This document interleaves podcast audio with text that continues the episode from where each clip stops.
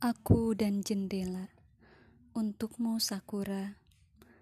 Hidup bersamaku adalah tentang bahagia yang lahir bukan dari luasnya kecukupan, tetapi tentang menyemai problematika hingga tumbuh benih rasa bersyukur yang kian subur. Kita kerap menangis bersama, dan engkau senantiasa menjelma menjadi lebih dewasa saat memelukku sepenuh makna. Aku yang kerap telanjang jiwa agar engkau mengerti bahwa ada kalanya orang dengan usia matang pun butuh dimengerti. Kerap aku merasa egois. Tetapi dengan begitu kita bisa saling mengenal tentang warna jiwa.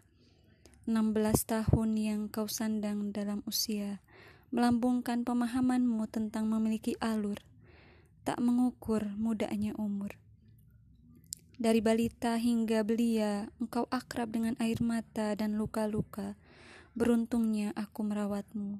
Engkau memilih tak jemawa, karena dirundung banyak pilu.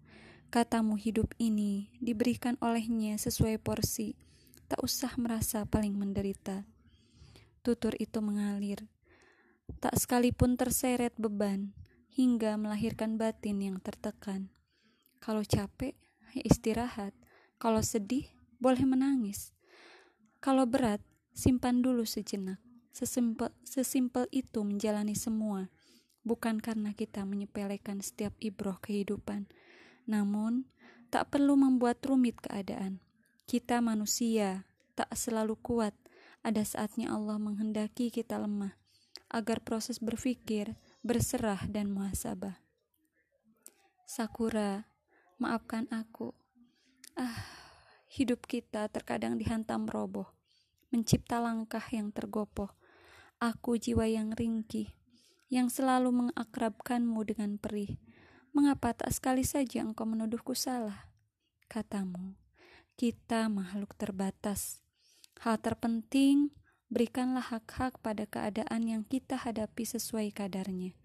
Esok, Allah akan memberi hal manis di kondisi lain atau bahkan kekuatan yang datang dua kali lebih besar. Kita telah bersama merajut makna, berdamai dengan derita yang ada. Syukur itu kian melambung. Esok ada banyak album kenangan yang bisa kita buka tiap lembarnya. Merawatmu adalah cara Allah agar bisa aku miliki tentang masa kecilmu hingga kesepian itu pergi. Sakura, tetaplah cantik dan berharga untuk diri ini, hingga ruang renta menghantarkan detakku tiada. Maka semua paripurna, harap di akhir peri harap di akhir episode, jemari kita bertaut meniti bersama dalam kembali. Jendelamu, Rai Adi Atmaja.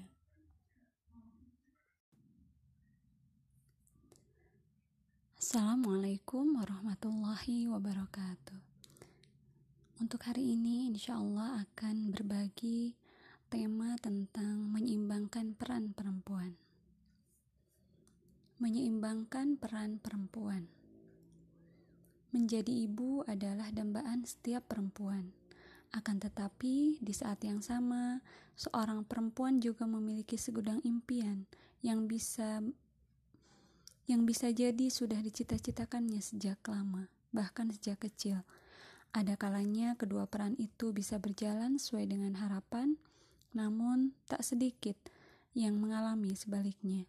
Ada yang sukses menjadi wanita karir sekaligus sebagai istri dan ibu, ada juga yang sukses di karir, tetapi peran sebagai seorang istri dan ibu terabaikan. Seiring dengan perkembangan zaman, kaum perempuan tidak lagi hanya berperan sebagai ibu rumah tangga saja bahkan sudah, sudah sejak lama digiring untuk keluar dari rumah-rumah mereka. Terlebih, jenjang pendidikan kaum perempuan pun sama seperti kaum laki-laki. Ini juga yang memicu kaum perempuan untuk melanjutkan dan mengaplikasikan apa yang telah mereka dapatkan di bidang akademik. Tidak heran jika di masyarakat ada tanggapan, buat apa sekolah tinggi-tinggi kalau akhirnya cuma di rumah saja? Artinya, sebagian besar masyarakat memahami bahwa siapa pun yang melanjutkan pendidikan itu hanya untuk persiapan kerja. Namun kenyataannya tidak selamanya sesuai dengan harapan. Kedua peran bisa berjalan optimal. Bagaimana menyeimbangkan kedua peran ini? Tentu definisi seimbang pun akan berbeda-beda karena akan mengikuti persepsi setiap orang. Alangkah lebih baiknya kita dudukkan permasalahannya. Menjadi ibu rumah tangga adalah salah satu kewajiban seorang wanita atau perempuan ketika dia memilih untuk menikah. Konsekuensinya, yang memilih untuk menikah adalah harus siap dengan amanah dan tanggung jawab yang semakin bertambah. Dia yang awalnya hanya seorang diri, ketika menikah bertambahlah tugas dan kewajibannya sebagai seorang istri. Tentunya akan bertambah lagi ketika dia memiliki anak, yaitu menjadi seorang ibu. Tugas-tugas ini tentu tidaklah mudah. Terlebih saat seorang wanita juga bekerja. Mendudukan peran. Bekerja bagi seorang perempuan secara hukumnya tidaklah wajib, seperti halnya tugas mencari nafkah yang dibebankan kepada seorang laki-laki. Ya, bekerja bagi seorang perempuan hukumnya mubah, diperbolehkan. Kebolehan ini tentu dengan berbagai catatan, karena perempuan memiliki tugas lain, yaitu sebagai istri dan ibu. Dari sisi hukum, tentu mengurus rumah tangga ini adalah wajib. Jadi, jadi saat memutuskan untuk memerankan berbagai peran yaitu sebagai istri, ibu, dan sebagai pekerja, dia akan memiliki konsekuensi.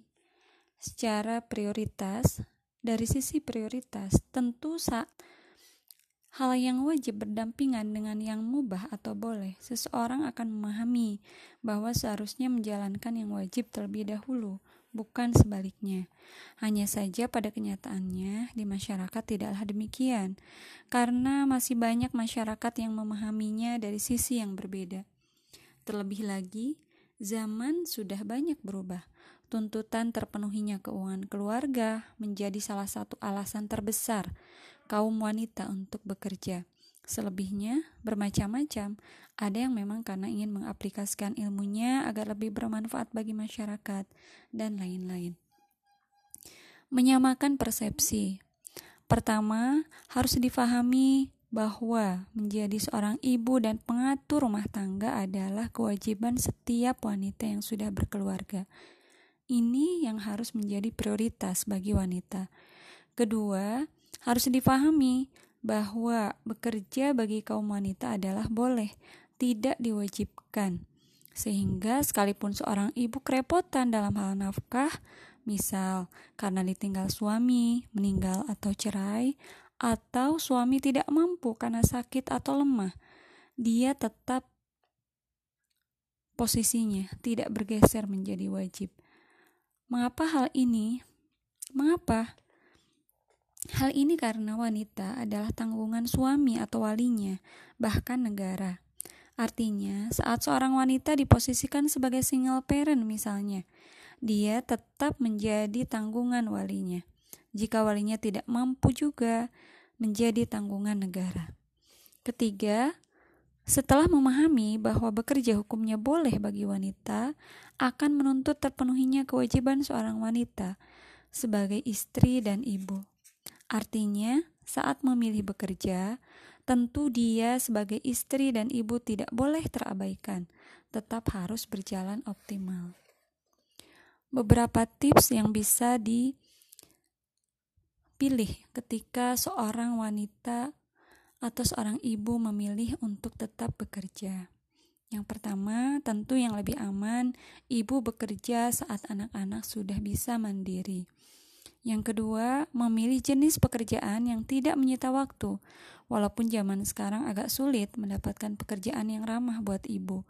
Dulu bergelut di dunia pendidikan dalam dalam kata lain sebagai pengajar atau guru bisa lebih santai karena belum full day seperti sekarang. Saat ini tuntutan mengajar harus full day, sehingga pekerjaan sebagai guru hampir sama dengan pekerjaan lainnya. Pergi pagi, pulang sore. Yang ketiga, memanage dengan sebaik-baiknya semua kegiatan, baik harian, mingguan, maupun bulanan, bahkan tahunan.